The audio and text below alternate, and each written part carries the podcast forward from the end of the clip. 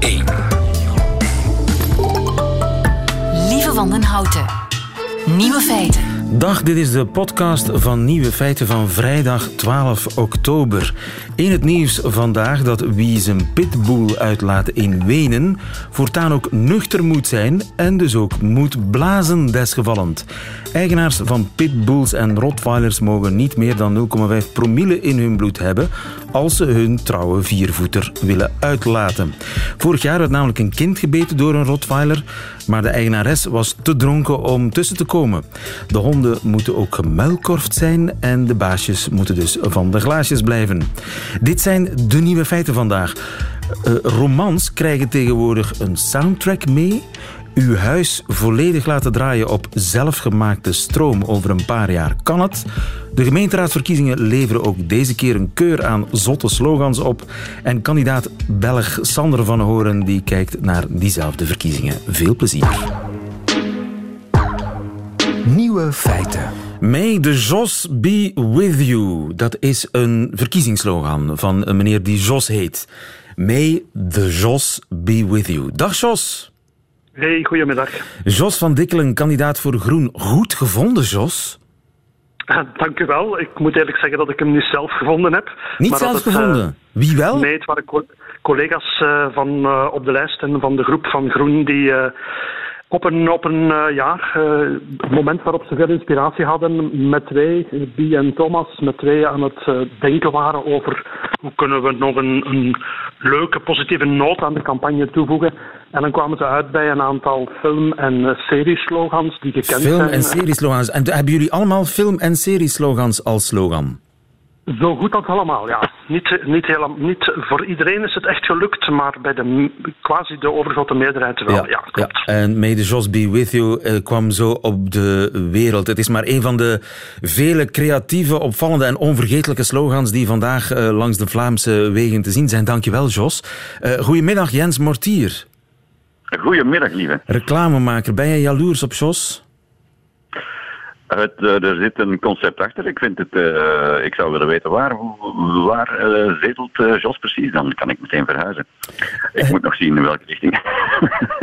ik, denk, ik denk Herend of zoiets. Het zou kunnen. Ja, okay, ja. Herend, ja. ja. Herend, ah, Jos is er nog.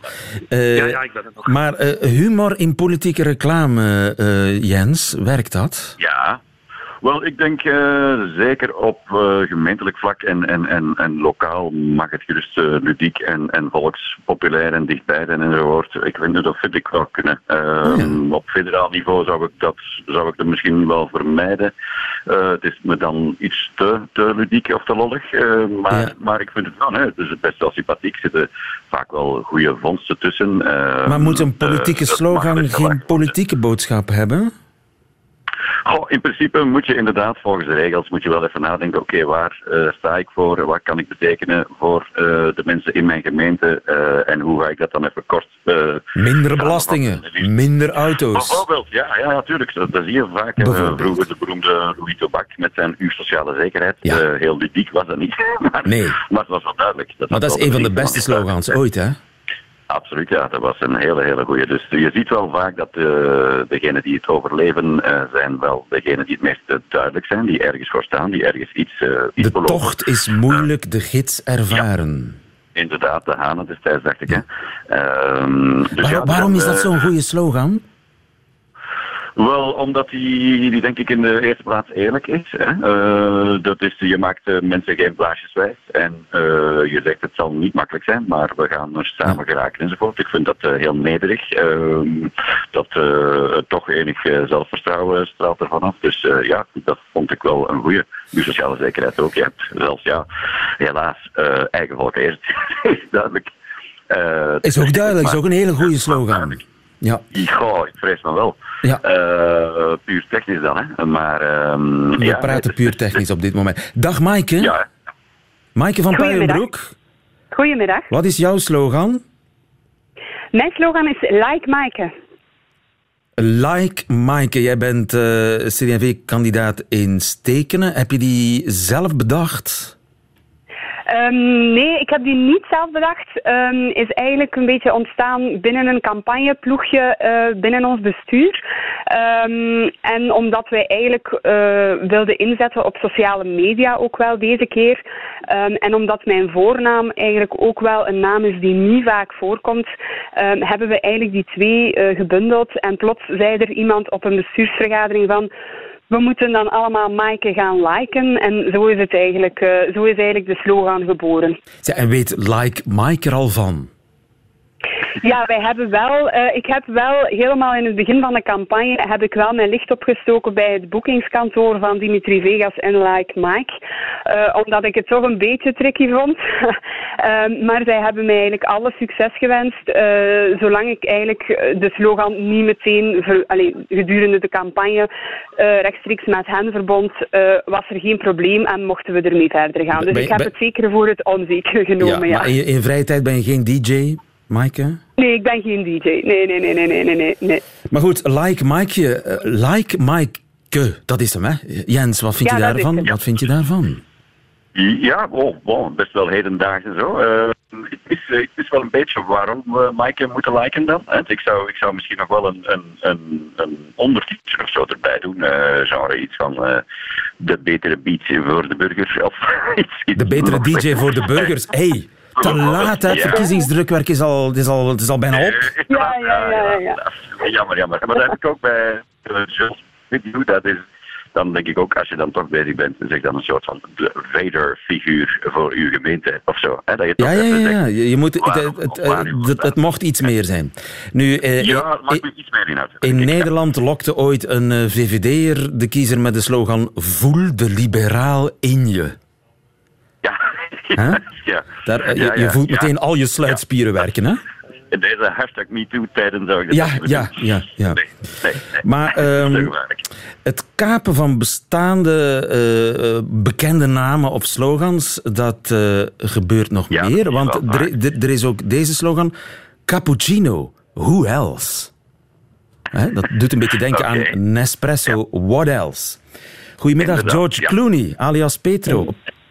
Ja, hallo. Ik moet u onthoognen, lieve. Het is Pietro dat je aan de lijn Pietro, en niet George Clooney. Zij, waar, nee, toch niet. Uh, waar, waar ben jij kandidaat, Pietro? Ik ben kandidaat in het prachtige Waregem. Waregem en jouw slogan, cappuccino, hoe else? Ik, ik begrijp het eigenlijk niet. Ja, ik kan me dan voorstellen dat die niet voor iedereen direct begrijpbaar is. Maar hier in Waarham begrijpen ze dat iets beter, omdat Jacopucci, mijn familienaam, ja, ik heb Italiaanse roots, dat weer duidelijk. Die, is, die bekt niet zo makkelijk voor de modale Waregenaar. En dat zijn er wel meer mensen die mij eigenlijk gewoonweg Cappuccino noemen. Dat is, dat is jouw bijnaam, bijnaam, Cappuccino? En in de jaren negentig was het nog Chiappucci, de bekende coureur. Maar ja, met het uh, wegdiensteren van zijn prestaties is dat geleidelijk aan vervangen geworden door Cappuccino. En nu ga ik zo door het leven en ik heb er eigenlijk geen probleem mee. En dat wil ik eigenlijk tonen met die slogan. Ik heb er geen enkel probleem mee als de mensen mij zouden aanspreken als Cappuccino. Ik weet dat ik een ingewikkelde naam heb, dus dat is eigenlijk de bedoeling. Jacopucci wordt uh, Cappuccino, dat is eigenlijk jouw bijnaam. Jens, is dat verstandig om je geuzennaam eigenlijk te gebruiken voor je campagne? Ja, ik vind het, eh, als ik inderdaad, als ik hem zo gewoon even hoorde, dacht ik oei. Maar als ik de context begrijp, heeft, het, heeft het wel zin. Maar het is zoals je net zei, Lieven, heel veel mensen uh, grijpen meteen terug naar dingen die zo in het collectief geheugen zitten. Hè, op bekende mensen of quotes of uh, dergelijke om zichzelf te profileren. Anderzijds is het toch te adviseren, denk ik, om te vertrekken vanuit je eigen krachten en niet zozeer mee te surfen. Ja, en, en uh, woordspelingen met je naam die zijn heel erg in de mode, want we hebben ook nog gevonden Willem is kunnen van Willem Geroms. Niet slecht, hè Jens? Dan De Bel doet het wel. De Bel doet het wel. Tony De Bel. Ah, ja, natuurlijk. De Bel doet het wel. Heel goed gevonden. En dan uh, Frederik Wiels, die, van de Open VLD, die uh, voert campagne onder de slogan Waar een wiels is... Um, is een weg. Is een weg. ja, ja, ja, goed hè. Nee, ik zeg het ja. Leutigheid, het moet kunnen op lokaal vlak, zegt de reclamemaker Jens Mortier. Of die leutigheid geholpen heeft, weten we zondag. Dank iedereen. Goedemiddag. Goedemiddag. Nieuwe feiten. De ontdekking van België. Hoe kijkt een Nederlander, een doorwinterd oorlogsverslaggever, die na tien jaar in Beirut in Brussel neerstrijkt, hoe kijkt die naar ons land? Sander van Hoorn, goedemiddag. Goedemiddag. En was correspondent in Brussel en Belg in opleiding. Ja. Uh, wat is jou deze week opgevallen? Nou ja, die blauwe kaart natuurlijk die ik in de, de bus heb gekregen. Ik heb je een blauwe kaart gekregen? Ik heb een blauwe kaart gekregen. Ik hou hem even omhoog. Mooi. Dat is altijd fijn ah, voor de radioluisteraar. Okay, ja. in Brussel. In Schaarbeek dan toch is hij blauw. Je woont in Je mag stemmen. Ik, nou, en daar zeg je wat. Ik heb natuurlijk altijd wel gestemd vanuit het buitenland, het Midden-Oosten, voor uh, de Nederlandse verkiezingen, de landelijke verkiezingen. Maar de gemeenteraad, daar heb ik dus al 12, 13 jaar niet voor mogen uh, kiezen. En nu mag dat wel en dan doe ik dat dus in Schaarbeek. En uh, ben je een beetje, weet, je, weet je al waar, waarvoor je gaat kiezen? Nou ja, wat mij sowieso opvalt, je draaide net Jacobs en Van Es, de tegenpartij, uh, is het gebrek aan lokale partijen. Dat, dat hebben wij in Nederland toch veel meer. Ik had hè, zitten kijken al een beetje verlekkerend naar uh, Schaarbeek nu en, en Dierenbelangen Schaarbeek en dat soort partijen die je in Nederlandse gemeenten allemaal hebt. georganiseerd rond een thema wat dan heel belangrijk is. Nou ja, bij ons in Schaarbeek is dat verkeersveiligheid, luchtvervuiling in het algemeen. Helemaal niet. Het zijn gewoon allemaal die landelijke grote partijen. Ja. En, uh, en, weet je al wie je moet gaan stemmen? Nou nee, want nee, ik hou het weer... Ik, ik, woon niet in Brussel, ik weet niet hoe dat zit, maar het lijkt mij ingewikkeld. Ja. Sander toont nu aan de microfoon een, uh, ja, een, ja, hoeveel kilo folders heb je meegebracht? Nou ja, alle. Het zijn in elk geval de meest milieu-onvriendelijke verkiezingen die ik heb meegemaakt. Want je krijgt dus nogal wat reclamedrukwerk in de bus. En um, wat me dan om te beginnen opvalt is dat dat dus allemaal aan mij persoonlijk gericht is. Hoe weten die politieke partijen waar ik woon? En het tweede is dat het uh, bijna allemaal in het Nederlands is opgesteld. Ze weten van alles van je. Maar hoe? Goeie vraag. Nou ja, dat kan dus maar één reden hebben. Dat uh, de gemeente Schaarbeek in mijn geval, dat kiesregister... want mijn vriendin die heeft zich niet aangemeld om te stemmen... is ook Nederlandse, dus die krijgt al die oproepen niet. Ik krijg ze. Dus dat moeten ze uit het kiesregister van de gemeente Schaarbeek uh, hebben gehaald. Dat lijkt me met het oog op de privacywetgeving nog wel een dingetje. Want ik heb daar in elk geval niet bij mijn weten... maar ook op die blauwe kaart staan heel veel kleine lettertjes. Dus ik, ik weet niet of ik alles gelezen heb. Maar ik maak me toch sterk dat ik het eigenlijk niet prettig vind... dat politieke partijen uh, weten waar ik woon en welke taal ik spreek. Ja, want als politieke partijen dat kunnen weten... Ja, en dat databestand is dus kennelijk gedeeld met alle politieke partijen... want ik heb ze werkelijk allemaal gehad. Uh, sommigen die uh, schrijven zelfs nog um, met pen en papier... schrijven ze een handgeschreven briefje erbij. maar, maar wat doen zij vervolgens met die bestanden? Ja. En ja, nee, ik, ik vind dat, dat, dat zou eigenlijk eens uitgezocht moeten worden. Ja, heb je al je keuze gemaakt eigenlijk? Um, nee, ik heb het allemaal in een geel mapje gestopt... maar daar kun je politieke kleur niks uit uh, afleiden. Ik, de eerste keuze die ik hier naartoe fietsend heb moeten maken is of ik mijn keuze überhaupt wereldkundig ga maken. Ik vind dat als journalist nog wel een dingetje. Maar wat, wat ik, uh, je gaat dan op personen toch kijken, hè, want politieke programma's is er eentje. En toen ben ik die blauwe kaart eens gaan lezen. Want ik dacht, ik ga dus op een partij stemmen. En dan kan je hooguit binnen die partij één naam aankruisen. En als je dat niet doet, dan stem je op de lijsttrekker. Maar ik mag hier meerdere namen aankruisen. Tuurlijk. Hoezo tuurlijk? Ja, wij vinden dat normaal.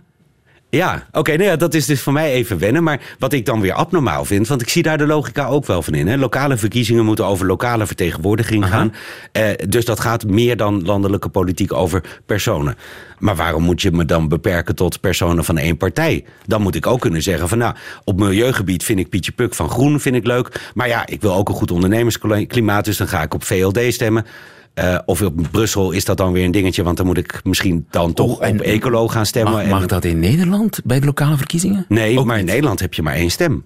Oh ja, natuurlijk. Ja. Nu, bij ons mocht wat jij zegt tot 1976. Oké. Okay. En daar was een woord voor. Haha, dat ga je me zo meteen pas vragen. ja, ik geef het je gratis mee. Uh, panacheren. Panacheren, ja. Panacheren. Ja, en dat heb ik uh, geleerd. Want ja, je gaat dan als je weet dat stemmen voor een nieuwkomer uh, een moeilijk ding is... ga je op zoek naar hulp. En Linda de Win van Villa Politica, die gaf mij zowaar hulp. Dit is aflevering 1 van de stemgids voor jongeren die voor de eerste keer gaan stemmen. Zoals Sander. Gaat over jou? Oh, Sander heeft een paar weken geleden een oproepingsbrief gekregen en die heeft hem verteld waar en wanneer hij moet gaan stemmen. Sander, verklaar je nader. Wat is dit? Dit is een filmpje met een andere Sander. Maar ik vond hem te leuk, want hij is inderdaad aan mij gericht. En ik ben dan weliswaar eh, niet echt meer een jongere, maar ik kwalificeer wel als eh, voor het eerst gaan stemmen. Ehm, het filmpje over hoe je dan je stem uitbrengt, dat, dat moet nog eh, gemaakt worden. Want dat heb ik niet kunnen vinden. Dit gaat meer over dat je moet stemmen. Hè, want dat hebben wij ook niet. We hebben geen opkomstplicht. We hebben, eh, hè, maar eh, wat je dan vervolgens eh, ziet, is dat jullie elektronisch stemmen. Dat wordt mijn volgende hindernis. Wa- want, nou ja. Je kunt daar lacherig om doen. En dat hebben jullie ongetwijfeld in dit programma ook gedaan. Dat dat dan met een USB-stick. En hoe hou je dat veilig? En dan maak je een Linux-partitie. Maar die herkent de Windows-computer dan weer niet. En die gaat zeggen: eh, Ik wil jou formatteren. En dan moet je op nee of annuleren klikken. Of alles is weg. Vragen om problemen. Ja, ja. Aan de andere kant, in Nederland hebben wij dat eh, ook proberen op te lossen. Hè? Natuurlijk het risico dat eh, bij elektronisch stemmen er fouten optreden. Dat er gehackt wordt. Weet je hoe wij het hebben opgelost? Geen idee. Met potlood en papier. Echt? Ja, echt waar. Dus wij zijn gewoon eh, de grote vlucht achterwaarts. We kunnen het niet veilig eh, krijgen. eh, en en dus doen we het maar helemaal niet elektronisch. En ik vind dat dan...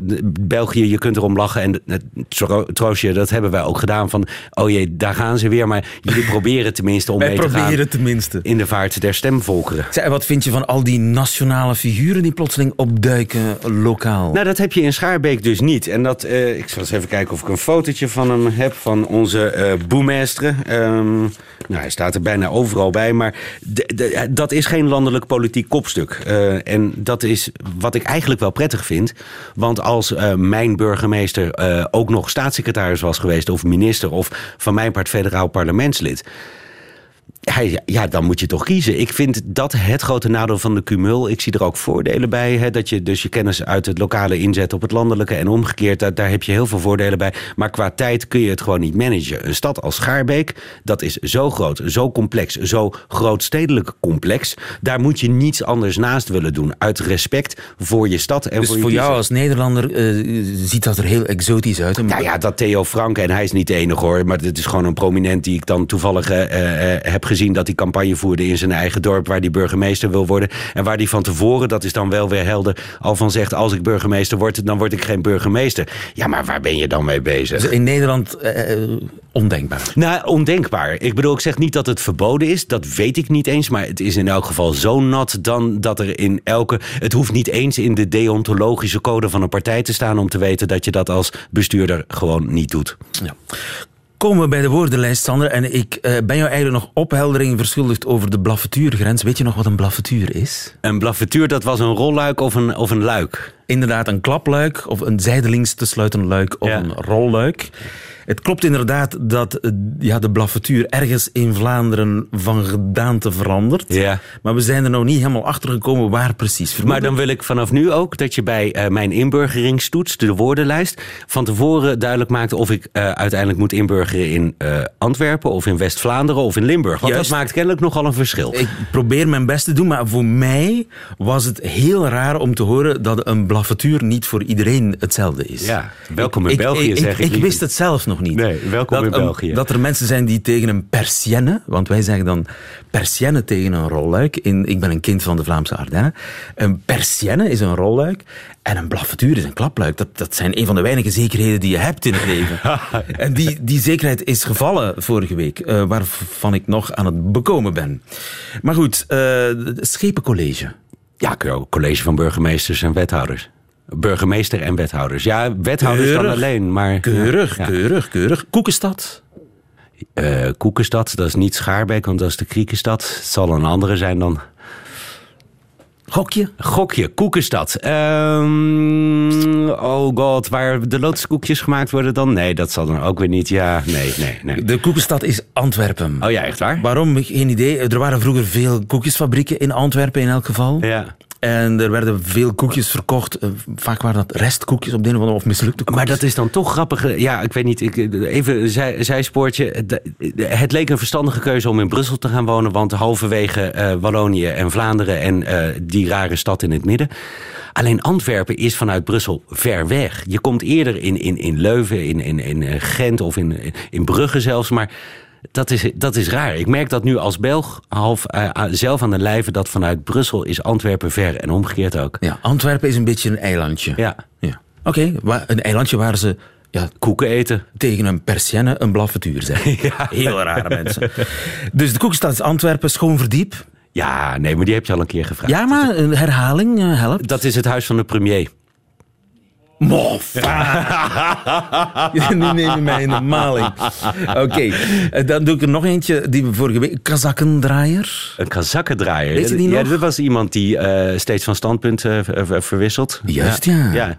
Ja, maar als je me dingen twee, voor de tweede keer gaat vragen, dan... Ja, je ik ben niet snel. Want een kazak is in dit Jas. geval een jas. Ja. Inderdaad, een overjas. Maar dat heb je me ook vorige week gevraagd, lieve. Oh ja, ja. ja. Ja, ik begin... Wat, wat zijn verstandelijke vermogens in het Vlaams eigenlijk? Wacht eens even. Ik neem, ik noem een hele moeilijke. Schijnheilig paterke. Dat is een contradictie. In of nee, dat is een Wie is pleonasme. het? Dat, er is iemand het schijnheilig paterke. Het schijnheilig... Nee, ik zou niet... Ja, eh, eh, Chris Peters? Had gekund. maar, maar het, schijnheilig paterke van Hasselt... Nee, Nee, sorry. nee, het is Steve Stevaart, de man is inmiddels eh, overleden. Werd door, eh, omdat hij eigenlijk niet een, een, ja, een stamboeksocialist was, eh, werd hij het schijnheilig paterke genoemd. Omdat door hij- ja, bepaal- ja, ja. bepaalde kringen, bepaalde rode rakkers vonden hem een schijnheilig paterke. Maar je wordt alsmaar beter als Belg. Je- ik, ga je toch ooit moeten... Hoe, gaan we dat moeten doen? Slaan? Tot, tot Belg slaan? Nee, ik oorkonde. Oorkonde, Ja. oké. Dat eh, komt voor elkaar. Dankjewel, tot volgende week. Sander van Horen. Nieuwe feiten. Altijd benieuwd. Wie is er bang voor het afschakelplan? Alvast niet Dries Bols. Goedemiddag, Dries. Goedemiddag. Dries Bols van Live Power. Jij maakt nu al batterijen die zichzelf kunnen opladen met zonne-energie. Maar Inderdaad. jij wil in de toekomst al jouw elektriciteit zelf maken. Dus ook de elektriciteit waarmee je kookt en verwarmt en, en doucht en zo. Ja, klopt. Eigenlijk eh, bijvoorbeeld panelen die mensen nu op hun, eh, hun dak leggen voor eh, energievoorziening. Die wordt nu vaak op het net gezet, maar die kan je eigenlijk prima ook gaan zelf opslagen en puur voor zelfconsumptie gaan gebruiken. En eh, zeker met de stijgende energietarieven en dergelijke en andere problematiek die je net ook aanhaalde, kan je daar eigenlijk in je eigen eh, energievoorziening. eh, Dus jij, jij bent bezig met een systeem waarbij je eigenlijk geen net meer nodig hebt. Klopt, een net is natuurlijk handig, zeker naar de toekomst toe. Ehm, een slim net is zeker iets dat in verstedelijkte gebieden ehm, uiteraard gaat blijven. Maar er zijn ook veel locaties waar dat eh, op afgelegen plekken van vandaag de dag nog dieselgeneratoren worden, worden ingezet.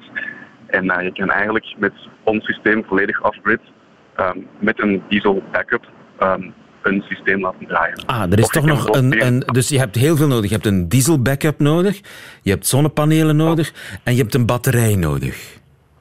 Wel, stel je voor dat we een residentieel systeem hebben in een, eh, een we zeggen bij ons in België. Ehm, dan kan je die batterij plaatsen, maar nog steeds met een backup van het net voor moest dat nodig zijn. Dat is, eh, logisch. Ehm, als we gaan kijken naar bijvoorbeeld een volledige off-grid situatie, hangt er een beetje vanaf eh wat de investeringskost zou zijn voor een, gigant, een heel systeem ehm, volledig onafhankelijk op batterijen te laten werken. Het kan, maar er gaat- komt een, een kostenplaatje bij te kijken. Ja, dus het is Ehm, hoe dan ook een zware investering. Maar goed, ja, als, je, als, je, als het eigen huis is, weet ik veel. De, de, de, je, je staart in de verre toekomst. Hè, dus dan is een investering misschien soms de moeite waard. Absoluut. Maar eh, ik, ik heb dan wel gigantisch veel zonnepanelen nodig. Dat valt goed mee. Dat Ja? Eh, ja, zeker vast. De gewone systemen, daar kom je eigenlijk toe met wat mensen vandaag dag op hun, op hun dak leggen. Ehm, het is eigenlijk net wanneer je gaat kijken naar een soort energiemix. Dus je plaatst een batterijsysteem dat niet per se je volledig eh, verbruik onafhankelijk neemt, maar een, een, een deel van je energiemix. ehm dat je nog steeds een, een deeltje van het net Ja, ja. intrekken wanneer het nodig is. Bijvoorbeeld, zo kan je eigenlijk een heel interessante, ehm, ook financieel gezien, interessante eh, mix bekomen die, eh, ja, dat wil zeggen, een veel lager energietarief met zich meebrengt. Ja, eh, en zo zou je in theorie over een paar jaar, want over een, een paar jaar ben je, kom je op de markt met jouw systeem eigenlijk geen eh, aansluiting op het net in theorie meer eh, nodig hebben. Dankjewel Dries Bols. Klopt. Goedemiddag. Goedemiddag. Lieven van den Houten. Radio 1. Een soundtrack, dat hoorde vroeger bij een film, maar nu hoort dat niet alleen bij een film, maar ook bij een boek, bij literatuur. Joachim Stoop, goedemiddag. Goedemiddag. Joachim, je bent leraar Nederlands en in jouw vrije tijd maak jij booksounds. Jij bedenkt playlists bij boeken. Hoe kom je daarbij? Ja, klopt. Ehm, ja, ik doe dit als freelancer ehm, en ik heb dit uh, vier jaar geleden bedacht toen ik uh, in een koffiebar een uh, roman zat te lezen. En ehm, ja, de muziek die op de achtergrond in de koffiebar opstond, paste totaal niet bij de sfeer en het gevoel van het boek. En toen kwamen en dat wrong, dat wrong echt. Dat wrong. En toen kwamen twee van mijn grote passies samen, uh, muziek en boeken. En dacht ik, waarom kan ik die niet combineren? En uh, dus playlists bij boeken maken, die dus in, waarbij de muziek in het verlengde ligt uh, van het boek. En je zegt, ik ben freelancer, dus je doet het voor bedrijven, voor uitgeverijen. Ik heb, uh, dit, uh, ik heb er heel veel gemaakt, samengesteld voor uitgeverij Lebowski in, uh, in Nederland. Ik heb er ook een samen met Daan Ash, een, een debutant voor uitgeverij Lano gemaakt. En nu heb ik een nieuw project met uitgeverij Van In voor hun boektoppers. En boektoppers, dat zijn boeken bedoeld voor opgroeiende jeugd? Ja, 17, 18-jarigen, dus de derde graad in het secundair. En als een soort um, ja, lok, uh, lokken van, uh, de, van de jongeren om via muziek ook uh, tot lezen te, aan te zetten. Ja, het is eigenlijk lokmuziek. Ja, Lokmuziek. Het is een valstrik. En je maakt uh, een afspeellijst, zeg maar, en via een QR-code kunnen uh, mensen die die boeken voor hun neus hebben liggen, kunnen via die code dan meteen online op die afspeellijst terechtkomen. Geniaal ja, idee. Uh, we gaan eens checken of het, of, het, oh, ja, of het werkt. Want ja, taal is ook muziek, hè? Dus het hoort bij elkaar, hè? Ja, inderdaad. En de, in, zeker deze tijd is bij internet is alles multimediaal en, en gefragmenteerd. En um, het is fantastisch om daar combinaties in te zoeken. Ja. Welke muziek hoor je hierbij? Vrienden van me vertrokken met vakantie. Het waren niet zomaar vrienden, maar mijn beste vrienden. Het is uh, Familie, Christine Hemrechts die voorleest uit haar roman Honing, als ik me niet vergis. Ja. Wat zou je daarbij verzinnen?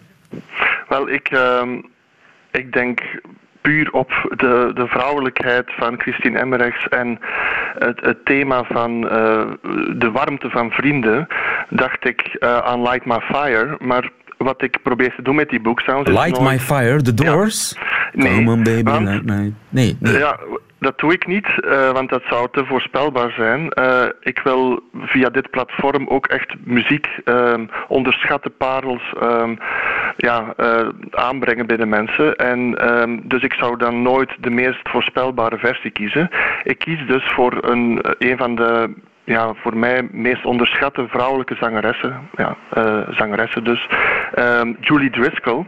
En uh, haar versie met Brian Auger en de Trinity, uh, denk ik dat het vuur van vriendschap heel mooi benadert. We gaan eens luisteren hoe dat samen dan zou kunnen klinken. Vrienden van me vertrokken met vakantie.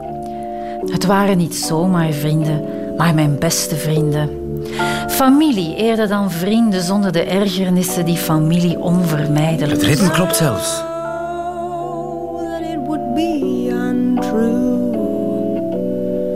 Samen vormden wij een clubje dat we spottend het clubje noemden.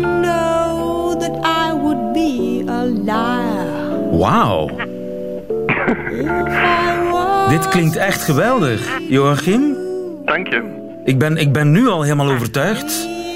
Nu, nu is het wel zo dat ik uh, in die boeksounds uh, vooral kies voor instrumentale tracks doorgaans. Omdat uh, ja, niet iedereen wil of kan lezen met nog een extra tekst op de achtergrond. Dus ik kies heel vaak voor, voor instrumentals. En het is dan echt de bedoeling dat je die instrumental on repeat op, je, op je oortjes hebt staan terwijl je leest? Dat, dat, dat kan. Is, dat kan. Ik, ja. Ik heb een playlist van rond de anderhalf uur, twee uur. En natuurlijk, een, een, boek lezen duurt veel langer.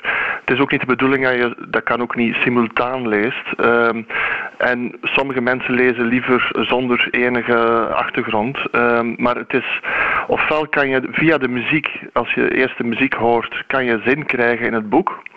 Ehm, dan wil je vertoeven in, in de sfeer van de muziek via het boek. Of je kan bijvoorbeeld in de periode dat je een boek leest de muziek soms opzetten. En als je dan een paar jaar later bijvoorbeeld een van die tracks terug hoort, dat je terug wordt opgezogen in de sfeer van het boek. Dus dat is het dubbele van de ervaring. Ja, je hoort de muziek in je hoofd, ook al luister je op dat moment niet naar de muziek. Kan ook, hè? Een andere klepper. Het was nog donker toen in de vroege morgen van de 22 december 1946 in onze stad, op de eerste verdieping van het huis Schilderskade 66, de held van deze geschiedenis, Frits van Echters, ontwaakte. Ja, een echte klassiek. Hè? Zo begint hij de avonden. Gerard Reven, jaren 40. Mhm. Wat, wat zou je daarbij willen horen? Wel, ik woon zelf al drie jaar in Amsterdam en uh, dus ik ken de setting van het boek. Dus de, de hoofdpersoon ja, wandelt uh, heel veel aan de grachten en voor mij is Amsterdam de stad van het water. Ik moet ook naar mijn huis altijd een veerpont nemen. Dus uh, voor mij is Amsterdam water en ehm, ik heb hierbij ook bij de sfeer en het, het meer het, het zwevende, heb ik Albatross gekozen. Um, nu zou je denken, Fleetwood Mac, de, de soft instrumental. Maar uh, er is een nieuwe versie van, van een Vlaamse gitarist Bert Dox van uh, Dans Dans, um, onder andere. En zit dat meer in de jazzy sfeer? Want ik heb daar altijd een soort ja, jaren 40 jazz gevoel dat bij. Dat had ook perfect gekund, zeker.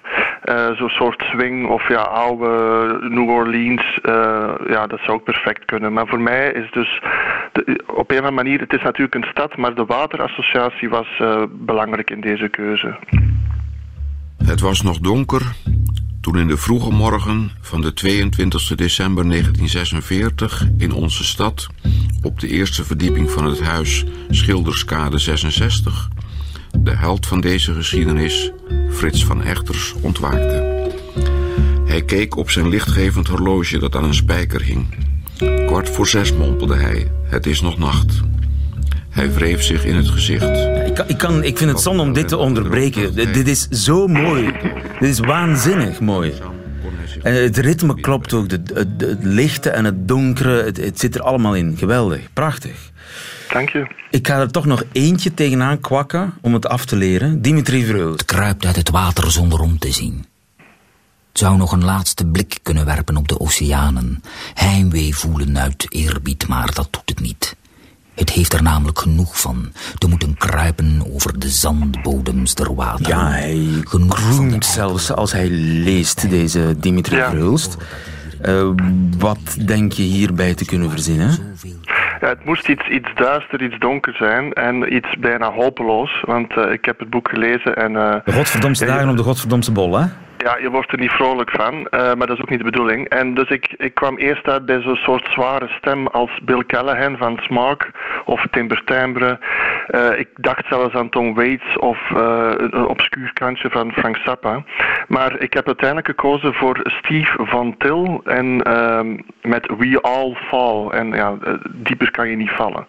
Alle begin is moeilijk. Kijk maar. Het kruipt uit het water zonder om te zien. Zou nog een laatste blik kunnen werpen op de oceanen. Heimwee voelen uit eerbied, maar dat doet het niet.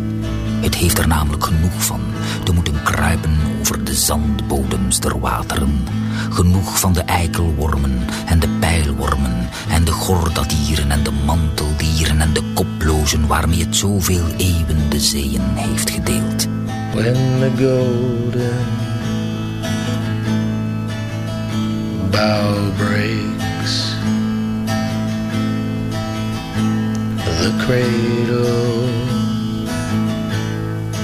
civilization. Ja, je, je, je, zou hier uren kunnen mee doorgaan, toch? Volgens mij we, is hier een idee geboren voor een, voor een nieuwe podcast of zo. Boeken soundtracks. Dankjewel, Joachim uh, Stoop. Tot de volgende. Graag gedaan. Ik hoop dat uh, het zomerweer nog even aanhoudt, terwijl uh, Johan Terrein zich klaarmaakt voor het Middagjournaal. Nieuwe feiten. Middagjournaal. Beste luisteraar, opgewonden word ik ervan. Rechtop kwispelstaartend ga ik tegen de deur scharten als ik in de krant lees dat men mij binnenkort wellicht zal raadplegen of ik nu een zomer- of een winteruur wil. Dan stel ik me dat voor dat ik op een zondag naar mijn gebruikelijke stemlokaal hier in Borgerhout stap, de buren tegenkom en beleefd knik, en dat ik dan in dat stemhokje voor de keuze sta.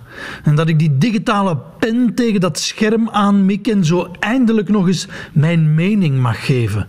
En dan kom ik uit dat hokje en dan kijk ik rond en dan vraag ik me af, wat zouden al die andere mensen hier gestemd hebben? Hoe laat zouden zij willen dat het is? En s'avonds is er televisie met de eerste exit polls. Ook uit Nederland en Luxemburg, want daarmee gaan we hetzelfde uur aanhouden om niet op het drielandenpunt in een geweldige urologische verwarring te komen. En de balkjes vertonen een nek-aan-nek race tussen zomer en winter. De andere seizoenen doen niet eens mee. En Ivan de Vadder loopt tussen de gele zomerbalk en de grijze winterbalk door. En die laatste stijgt net even een paar procentpunten en stoot zo tegen Ivans elleboog. En hij roept heel even auw genoeg opwinding voor nu. Wetenschappers en andere slimme mensen zijn het erover eens dat het winteruur het best bij ons natuurlijke ritme past. Als dat zo is, waarom moet ik daar dan eigenlijk nog een mening over hebben? Ik kan nauwelijks onthouden of bij de wissel het uur voor of achteruit moet. Volgend weekend sta ik daar weer, radeloos aan mijn klok te draaien. Voor je het weet kiest de meerderheid voor het zomeruur omdat het dan beter weer is. En dan zouden we putteke winter tot negen uur s morgens moeten wachten op de zon.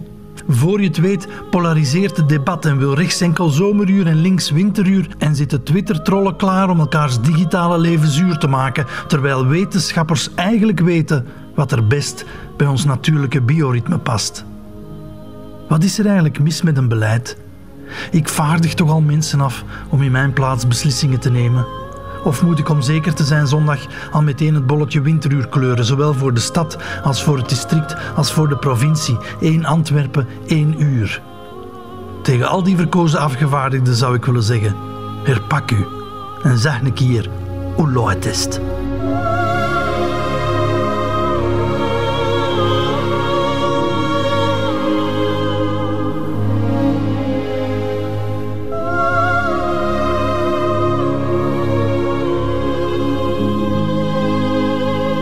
Het middagjournaal met Johan Terrein, meteen het einde van deze podcast. Maar u vindt er nog veel meer op radio1.be en op alle gebruikelijke podcastkanalen. Tot volgende keer.